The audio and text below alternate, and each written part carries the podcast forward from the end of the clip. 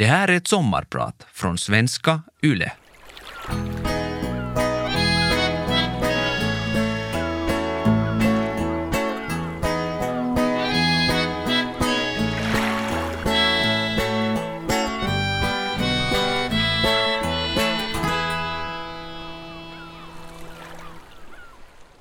Förra sommaren, i den sista flämtningen av pandemin, när allt började röra på sig igen, kom jag på hur många saker jag saknar.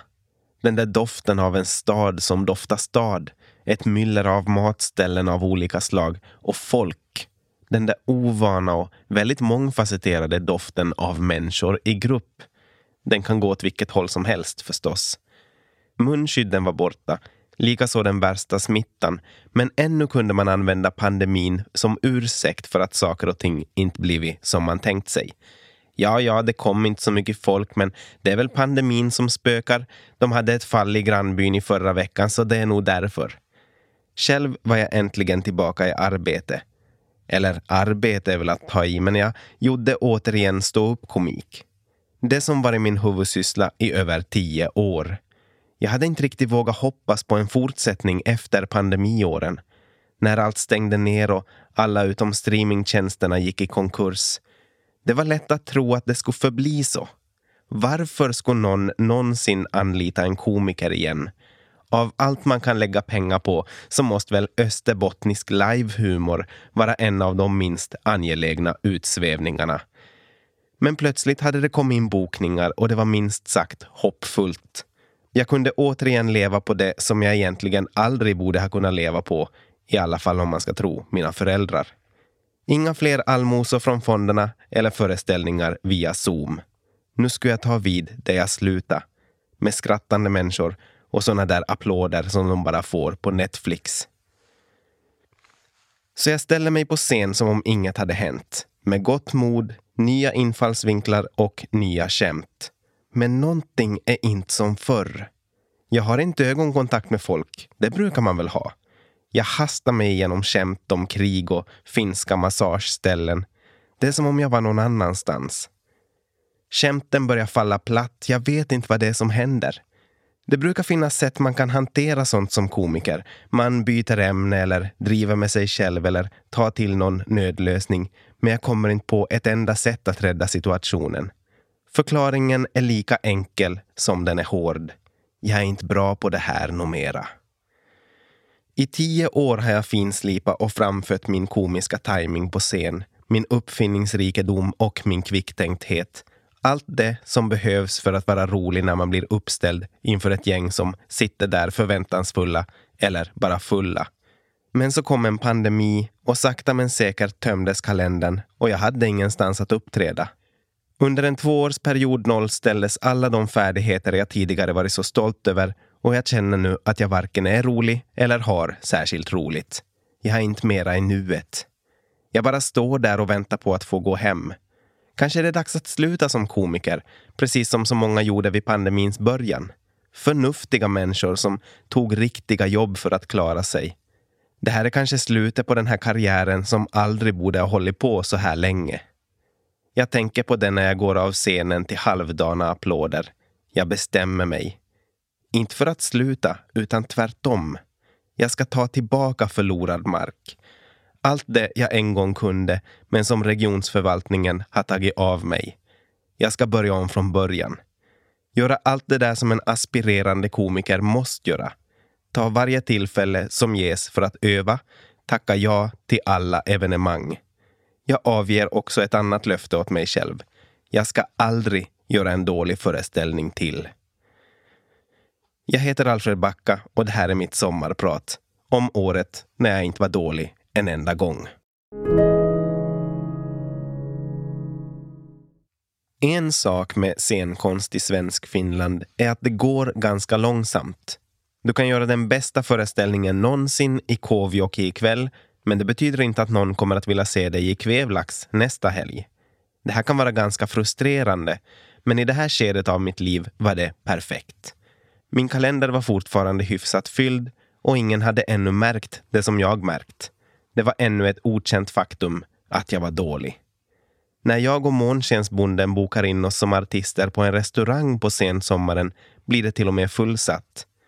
Det kan förstås bero mera på honom än på mig och antagligen beror det väl i första hand på maten. Men i alla fall, det är bra för självförtroende. Att samarbeta med en komiker är också en bra idé. Han uppskattar att jag sköter praten mellan låtarna och jag uppskattar att ingen märker att jag inte vet hur man gör komik längre.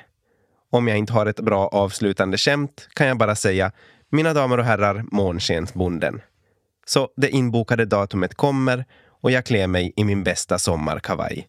För vissa människor skulle det säkert vara oerhört nervöst att ställa sig framför hundra personer och försöka vara rolig. Flera sömnlösa nätter innan, ett frenetiskt promenerande fram och tillbaka och en känsla av att man egentligen hellre skulle dö än att ställa sig på scenen. Vissa människor skulle vara livrädda för att behöva låtsas vara roliga. Jag hör till dessa människor. Efter 200 år av våndor och ångest är det dags att gå upp. För det måste man ju. Man kan ju inte bara sitta kvar. Så jag går upp. Återigen. Jag heter Alfred Backa och om inte ni känner till mig så har jag en reklamjingel. En duktig komiker med humor solid. Ett billigt alternativ när inte Kai har tid. Och saker och ting faller någorlunda på plats. Jag skulle inte kalla det en bra föreställning, men jag är ganska säker på att matgästerna får vad de betalar för. Särskilt eftersom de inte betalar för annat än maten. Men min föreställning är en passlig blandning av nyskrivna skämt om att vara pappa och hur jag jämför mitt sexliv med Kvarkenbron. Det är en bra idé i teorin, men nu måste man också övertala någon på andra sidan att det är det. Och gamla klassiker som brukar funka innan pandemin. Jag avslutar till angenäma applåder, genomsvettig med en vattenflaska i ena handen och en öl i andra och jag ber folk att inte ta någon bild av mig. Det är första etappen och strax ska jag dra vidare till Ekenäs. Där ska jag försöka göra samma sak, men förhoppningsvis snäppet skarpare, en aning roligare. Jag påminner mig själv om vad jag brukar säga när jag regisserar revy förr i tiden. Gör så det, fast bättre. Ekenäs är helt okej. Okay. Som klyschan säger så är det fint på sommaren och stadens arkitektur har en viss charm. Det är här jag är bokad nu. Det senaste året har jag flera gånger blivit ombedd att agera konferencier då stora rikssvenska komiker kommer på besök. Sånt tackar jag alltid ja till, för det garanterar en vänlig publik samtidigt som det är kul att träffa förmågor som faktiskt kan det här med ståuppkomik. Jag har ibland frågat mig vad jag gör på sådana tillställningar. Jag ska alltså få igång energin och publiken inför de Sverigesvenska förmågorna. Men är inte det orimligt? Att en sävlig österbottning på något vis ska vara den som kickar igång inför svenskar. Jag menar, jag tar ju ner energin varje gång jag kommer ut och sen får svenskarna jobba för att få igång stämningen igen. Det är helt fel väg. Däremot tror jag att svenskarna kunde boka österbottningar för att få igång stämningen på deras begravningar. Det är i alla fall ganska lätt att sköta mellansnacket när alla andra är så bra. Precis vad jag behöver. En låg ribba. Dra ett hyfsat skämt, säg sen mina damer och herrar André Wikström. Jag är rädd innan jag går upp på scen, men aldrig när jag väl är där uppe. Jag vågar saker som jag aldrig skulle våga annars. Jag har mött storväxta fyllon som ropar saker åt mig och det enda min hjärna har arbetat med är hur får jag det här roligt? Och aldrig, som jag tänker i andra sammanhang, jag kommer att dö. Men det betyder inte att jag är osårbar. Till exempel den här kvällen i Ekenäs då komikern Thanos Fotas konfronterar mig 30 sekunder innan jag ska gå upp och presentera honom. Han frågar hur vi ska göra efter att jag har sagt hans namn så det inte blir pinsamt när vi möts inför publiken. Ska vi fistbumpa, high-fivea eller skaka hand? Det här har inte jag tänkt på. Jag har haft fullt upp med hur man uttalar hans namn. Fotas, Fotas eller Fotas. Inte en sekund har jag lagt på hur man gör när man möter komikern. Men jag kommer ständigt att tänka på det efter denna stund. Hur gör man egentligen? Jag blir helt mållös. Sekunderna tickar iväg och jag inser att jag måste ge honom ett svar om vi ska hålla tidsschemat. Jag säger att jag nog bara går förbi för så har jag gjort tidigare på kvällen. Jag går upp på scen och drar någon enstaka rolighet och får till och med hans namn rätt. Mina damer och herrar, Thanos Fotas. Vi närmar oss varandra. Mina ögon möter hans. Jag vet vad planen är, men nu låter den helt idiotisk. Vad då gå förbi? Folk kommer tro att vi är osams eller någonting. Shit, vi ändrar planen. Vi ändrar planen. Jag stannar upp och sträcker ut min hand i den mest konvoluterade gest jag någonsin gjort. Min arm ser ut som om en sengångare har bestämt sig för att hota någon med stryk då jag väntar på en fistbump. Thanos besvarar den och jag lämnar scenen. Slut som människa och som komiker. Jag nämner det åt honom sen och då visade det sig att han tog upp hela grejen bara för att få mig ur balans. Kanske det är hans sätt att lära mig någonting om att vara spontan eller så har han bara tråkigt i Ekenäs och försöker roa sig med sociala experiment. Jag återfår mitt självförtroende tills jag ska introducera André Wikström. Publiken är på min sida, som om de inte alls har märkt hur värdelös jag är på att sammanföra min neve med någon annans. Det känns som att jag är på väg tillbaka. Jag drog till och med mitt paradnummer, Magnus Uggla, i ett Lucia-tåg. Om du någon gång träffar mig så kanske jag kan dra det för dig. Eller för all del, jag sitter ju vid en mikrofon just nu. Ungefär så här låter det. Ja, Staffan var en stalledräng. Han vattnar sina fålar fem. Vi tackom nu så gärna att få den ljusa kärna Ungefär så, fast bättre. Jag tänker inte påstå att jag är en internationellt bokad artist. Men ibland får jag faktiskt uppdrag i Sverige. I september blir jag ombedd att komma till Umeå. I det här fallet då en cancerförening ska åka på kryssning från Österbotten och behöver underhållning. Men i alla fall, utlandet är utlandet. Så jag packar min kavaj och hoppar på båten som ska ta mig över Kvarken. Kan man vara rolig på en cancerförening, kanske ni undrar? Kan man skoja om cancer, kanske ni undrar? Svaret på båda frågorna är förstås ja. Man kan vara rolig på vilken förening som helst. Det är ju trots allt bara människor som samlats för att ha roligt tillsammans. Och visst kan man skoja om cancer. Det är ju trots allt en tillväxtindustri. Det svåra visar sig inte vara humorn i sig. Det visar sig vara en fråga om kulturskillnader. Jag skulle uppträda på ett hotell i Umeå och föreningen hade kollat i förväg att det fanns ljudanläggning, mikrofon och uttag för gitarr och dator. Svenskarna hade förstås svarat så som svenskar gör. Ja visst, gud vad trevligt med humor. Det fixar sig. Skönt, tänkte jag. Då behöver jag inte släpa med något eget. Jag dyker upp på det välrenommerade hotellet och hittar matsalen där jag ska uppträda. Men något ljudsystem finns inte. Vi frågar personalen och då plockar de fram en liten låda. En högtalare stor som en mindre bordsradio kopplad till en mikrofon som sträcker sig en armslängd. Inga extra kablar, inget stativ för mikrofon så att jag ska kunna sjunga och spela gitarr samtidigt. Bara en högtalare som knappast var bättre än om jag kopplade ihop två konservburkar med en tråd och tilltalat publiken via den.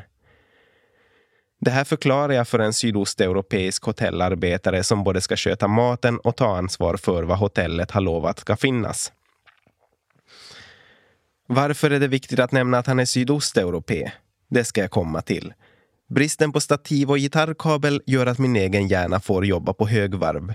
Jag minns återigen att jag har lovat att jag aldrig mer ska göra en dålig föreställning. Jag behöver både gitarr och dator för jag har använt upp alla mina andra skämt på båtresan över. Det är lördag kväll och inga musikaffärer är öppna. Men det finns en ICA-butik precis i närheten. Så jag springer och köper en rulle silvertejp. Sen silvertejpar jag mikrofonen till gitarrhalsen och använder den som ett stativ samtidigt som den ska ta upp lite ljud från gitarren. Det är en fullständigt briljant lösning. Åtminstone borde jag få poäng för min innovation. Österbottniska män i publiken brukar kina upp då de ser silvertejp på scenen. När jag kommer tillbaks till hotellet står min sydosteuropeiska vän och spelar hiphop från Kosovo på den lilla högtalaren. Han har kopplat den till en dator med hjälp av en kabel som han har kört 20 kilometer för att skaffa fram. Min show är räddad och det är väl därför det är viktigt att ta upp kulturskillnaden. En hotellarbetare härstammande från Norden skulle knappast göra en sån uppoffring. Hen skulle väl närmast berätta att jag kan ta upp mitt missnöje på en enkät på hotellets hemsida ifall det är något de kan förbättra och haspla ur sig några empatiska “Gud vad trist”. Men den här typen var annorlunda. Han tog kundbetjäning på allvar. Och dessutom kallade han mig kompis 30 gånger under den processen. Jag kallade honom kompis en gång, men när en österbottning säger det så betyder det någonting. Jag heter Alfred Backa och idag är jag din sommarpratare. Bli inte rädd nu, börjar ett mejl jag får i september av prästen Mia Andersén Löv. Det är en kul början på ett mejl måste jag erkänna. Ett perfekt anslag som en bättre artist än jag skulle säga. Hon fortsätter. Det gäller synodalmötet. En festmiddag för stiftet cirka 300 präster. Skulle du vilja komma och underhålla dem? Jag blir inte rädd. Jag tycker om svåra publiker. De som har ett specialintresse som jag kan ta fasta på. Ge mig ett gäng vänsterunga. Ge mig präster. Ge mig fast Sannfinländarnas antisvenska fascistfalang mycket hellre än en mottaglig klubbpublik. Det triggar igång min skaparglädje. Jag börjar genast skriva på mina bästa skämt om Bibeln. Uppvuxen som jag är i Österbotten så har uppslagen kommit automatiskt. Jag fokuserar i min show på skillnaden mellan att vara präst och att vara privat. Om man får ta av sig prästkragen någon gång och leva som en vanlig dödlig eller om man alltid måste vara redo att bli stoppad utanför butiken för att välsigna någon församlingsmedlems rågbröd. Och det måste ju vara någonting lite hokus pokus med att vara präst. Annars är man ju bara en psykolog som inte får vara ledig på söndagar. När jag märker att det går hem ganska bra blir jag modigare. Präster är trots allt ganska lika komiker och jag tror att dessa församlade också skulle bli nervösa om de ombads framföra en predikan inför 300 komiker. Skillnaden är väl att vi har ganska olika slutpoänger. Jag avslutar kvällen med att säga jag har också några skämt om katolska präster, men de är så gamla att inte ens prästerna själva är intresserade av dem. Nu skyndar jag mig att samla ihop mina mikrofonsladdar och förstärkare. Jag vill inte stanna en sekund längre än jag behöver, för jag är faktiskt rädd. Rädd att bli utkälld, för även om jag kan vara tuff på scen så är jag inte tuff privat. Jag är livrädd privat. Helst undviker jag både konfrontation och ögonkontakt. Det är så här det känns att uppträda för arga fyllon, tänker jag. Även om jag knappast löper risk att bli misshandlad, i så fall i rent andlig mening. Precis när jag ska gå ut genom dörren blir jag stoppad.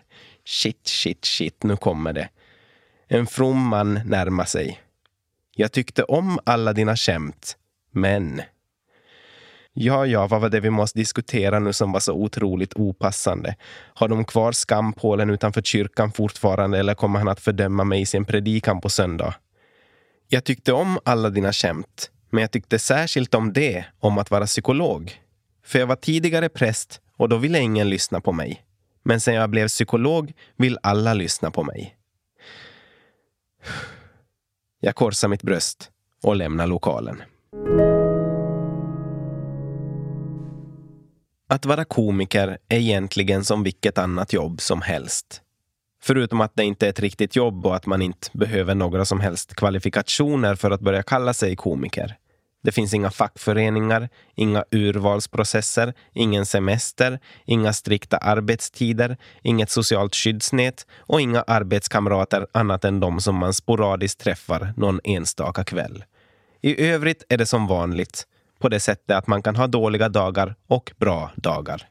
Men efter ett tag lär man sig att göra det bästa av de sämsta situationerna man tilldelas. Så var det en gång då jag bokades till en litteraturfest. Jag har själv skrivit tre böcker, så jag är ju enligt alla regelverk också en författare. Men jag tycker det känns svårt med litteraturfester. Att ställa sig på scen och bli intervjuad om det man har skrivit. Hur kan det vara intressant för folk att höra? Borde jag inte bjuda på ett sång och dansnummer också? Åtminstone en fräck limerick. Men tydligen går det för de ordnas gång på gång och folk kommer lika ofta. Nu fick jag i uppdrag att vara rolig på kvällsfesten deras, vilket passar mig betydligt bättre. Vad jag inte fick veta var att kvällsfesten ordnades på en restaurang som inte var privatbokad. Det vill säga att det satt en hop människor där som inte alls var intresserade av vad folk gör eller inte gör på scen. Visst, det fanns folk som kom för underhållningen också, men det spelade inte så stor roll när en del av publiken satt och beställde mat och helst inte ville höra någonting annat än vinlistan. Jag blev stressad drack en kaffe, hoppades att de skulle gå. Men de verkar inte ens vara klara med förrätten. Mitt löfte gentemot mig själv brände i mig. Hur ska jag kunna ha en bra show om inte publiken lyssnar? Det skulle inte gå. Jag skulle bryta min perfekta streak. En dålig föreställning. Det var då jag hörde att de pratade svenska vid bordet. Min finska är inte dålig, det ska inte jag påstå. Snarare är den obefintlig. Men med svensktalande i salen ska jag kunna vända situationen till min fördel. Jag skulle tvinga med dem i föreställningen, vare sig de vill eller inte. Så där som komiker gör i alla länder förutom Finland, där det är fullständigt tabu att prata med någon. Jag gick upp på scen och tog mig in i mina skämt. Små skratt från en del, ointresse från resten. Då började tabubrottet. Förresten, ni som sitter där borta, varifrån är ni? sa jag med en ynklig stämma. Ingen reaktion. Jag frågar igen. Om man ger sig in i en sån här situation, en ren extremsport i detta land, så måste man fullfölja den. Till slut fick jag kontakt med mannen vid bordet som väl måste försvara sin familj mot denna inkräktare i deras annars så trevliga restaurangbesök. Jaha, du pratar med mig, sa han. Du borde ha sagt den stiliga herren vid bordet där borta. Han var lite rolig tillbaka och till sist fick jag reda på att de var från Sundom. Sundom? Jag har ett skämt om Sundom, sa jag och hoppades att jag hade ett skämt om Sundom. Det hade jag väl. Jag har ju skrivit en bok om en massa finländska orter och dessutom uppträtt på de flesta österbottniska orterna. Vad i helvete skulle jag med den här specialkunskapen till om jag inte kunde plocka fram den i den här situationen? Det var så att när kungen reste runt i Finland och döpte orter, då utgick han lite från vad han upplevde. På en ort var folk mjölnare, så den fick heta Malax. I en annan stad hörde folk dåligt, så den fick heta Vasa. Men folket som bodde däremellan, tänkte kungen, de är det sund om. Jag gick i mål. De skrattade. Hälften nervöst och hälften för att det förväntades av dem. Men hur som helst var hela publiken samlad nu och jag kunde trava igenom en tillräckligt god föreställning för att jag skulle kunna kruxa av den som inte dålig och ha min värdighet kvar. Men det här var tufft. Jag är inte gjord för konfrontationer. Jag härstammar nog inte från en jägarsläkt. Min förfader brottades inte mot mammutar eller sabeltandade tigrar. Han satt antagligen inne i en grotta och ristade limerickar i väggarna. Jag hade svårt att sova den kvällen. Hjärtslagen ville inte lugna ner sig. Och värre skulle det bli. Vasa humorfestival ordnades under senhösten och ska överlag ses som ett lyckat koncept med flera fina tillställningar. Det ska också ses som första gången jag blev fly förbannad och hota publiken med våld. Eller en del av publiken i alla fall. Jag var bokad som konferencier under två dagar av festivalen. Jag skulle igen presentera rikssvenska storheter som Nisse Hallberg, Jonathan Unge och den inhemska storheten Anna Rimpelä. Det började bra, men bara nästan. Det var på det viset att det befann sig en häcklare i publiken. Det är i vanliga fall någon som kanske ropar ut någonting under föreställningar och stör på det sättet. Men de kan lätt avväpnas med något skämt och sen blir de tysta. Inte den här häcklaren. Under den första kvällen så höll han på och liksom la sig i när komikerna pratade. Han hade egna funderingar och tillskott och såg det mest som någon slags diskussionstillfälle. Det var en fullständigt hopplös situation. Första kvällen blev det i alla fall helt okej, okay, åtminstone humormässigt. Jag gjorde mitt jobb och alla andra gjorde sitt och den fullsatta salen fick vad de betalade för. Men bakom kulisserna var det jobbigare. Jag kände att jag inte passade in bland komikerna. När jag avslutade med att introducera Jonathan Unge så kände jag att knappast ville någon höra mer av mig. Så jag drog inga skämt alls, jag bara presenterade honom. För han var ju huvudartisten som alla väntat på. Men det kom ingen Jonathan Unge. Under fem sekunder som kändes som 500 dök han inte upp. Men till sist mötte jag honom i gången. Han slänger mig en besvärad blick som om jag gjort någonting oförlåtligt. Sa jag fel namn? Nej, det var nog rätt. Både för och efternamn. Det var nog bara det att jag var för snabb. Han hann inte göra sig klar och nu hade jag en dödsfiende. Allting kändes fruktansvärt. Åtminstone försökte jag inte fistbampa med honom. Efter denna flopp måste jag ändå komma tillbaka nästa dag. Samma dag som vi ordnar barnkalas där hemma skyndar jag mig iväg upp på scen och jag är inte på det bästa humöret. När jag kommer dit får jag höra att ett gäng i publiken som skulle komma inte kommer, så lokalen är ungefär halvfull. Men en som inte valt att avlägsna sig är gårdagens häcklare. Kanske jag borde ha tagit det lugnt, men jag kände bara inte för det. Rimligtvis var jag lite uttröttad av barnkalas och möjligtvis tog jag det som ett personligt misslyckande att lokalen inte var helt fylld. Men efter att jag gått upp på scen och dragit ett par vitsar kom det någonting från första raden. Jag minns inte vad han sa, men det var väl ett försök till skämt. Jag stod bara tyst först, för jag vet att man kan göra så när man vill få tyst på någon i publiken. Låta hans skämt dö en långsam död inför allihopa. Döda det med tystnaden. När så personen märker att ingen riktigt uppskattar skojet så brukar de tystna. I annat fall så kanske säkerhetsvakterna märker att någon stör och kan varna dem. Jag fortsatte. Återigen får jag höra någonting från första raden, mitt i ett skämt som jag inte får fullfölja. Där brinner mina proppar och jag kryper fram ur min grotta som en plötslig mammutjägare. Om du inte håller käften nu så kommer jag brotta ner dig och slänga ut dig personligen, ropar jag ut utan minsta tillstymmelse till humorförsök. Det är en ren primal primathjärna som talar. I tystnaden som kommer därefter finns inte mycket att göra. Jag börjar skratta. Det blir mer och mer uppenbart att min mentala hälsa är lidande. Men det gör i alla fall att vi kommer oss vidare. Jag skrattar ju för att det är så absurt. Hur skulle jag lyckas bära ut någon? Alla som ser mig måste ju inse att det inte är ett arbete jag är byggd för. Jag skojar om att han i så fall kommer att få hjälpa till väldigt mycket själv så att jag inte får ryggskott. Livet går vidare. Jag kommer mig hem till slut. Hjärtslagen fortsätter. I det här skedet inser jag att jag är nog inte byggd för det här jobbet heller. Efter Vasa humorfestival är det dags igen att börja gå i terapi. Jag tror inte att jag lider av någon psykisk ohälsa Däremot är jag ganska säker på att jag lider. Jag lider av arbete eller bristen på arbete. Jag lider av sömnbrist och jag lider av en massa andra laster. Även om det inte finns ett medicinskt namn för det här annat än diagnosen vuxen så kan man alltid passa på att gå i terapi. Det hjälper en att sortera skiten.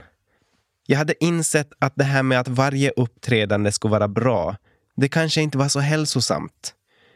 Jag hade återigen blivit bra på att uppträda, men jag mådde inte bättre för det. Jag hade istället ångest över att träffa folk, över att vara rädd att Jonathan Unge var arg på mig eller att behöva fistbampa med Thanos Fotas igen. De här problemen kanske min terapeut inte direkt var utbildad för, men hon gjorde sitt bästa. Det jag kom fram till under den här sessionen var en väldigt enkel sak. Man måste vara snäll mot sig själv och inte klandra sig för allt möjligt.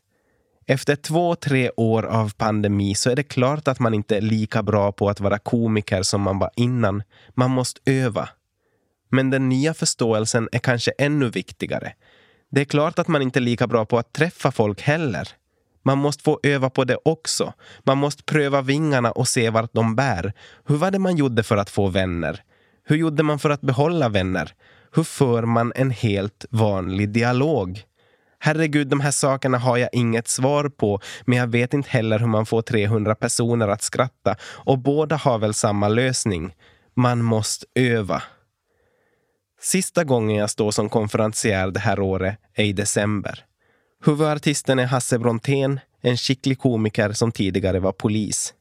Den här gången tänker jag inte skämma ut mig så jag bestämmer mig för att fråga honom. Som vi neurotiker avsiktligt gör frågar jag om jag får ställa en fråga. Hasse tittar upp och svarar att naturligtvis får jag det. Jag frågar, ska man ha en lite längre presentation innan huvudartisten kommer på?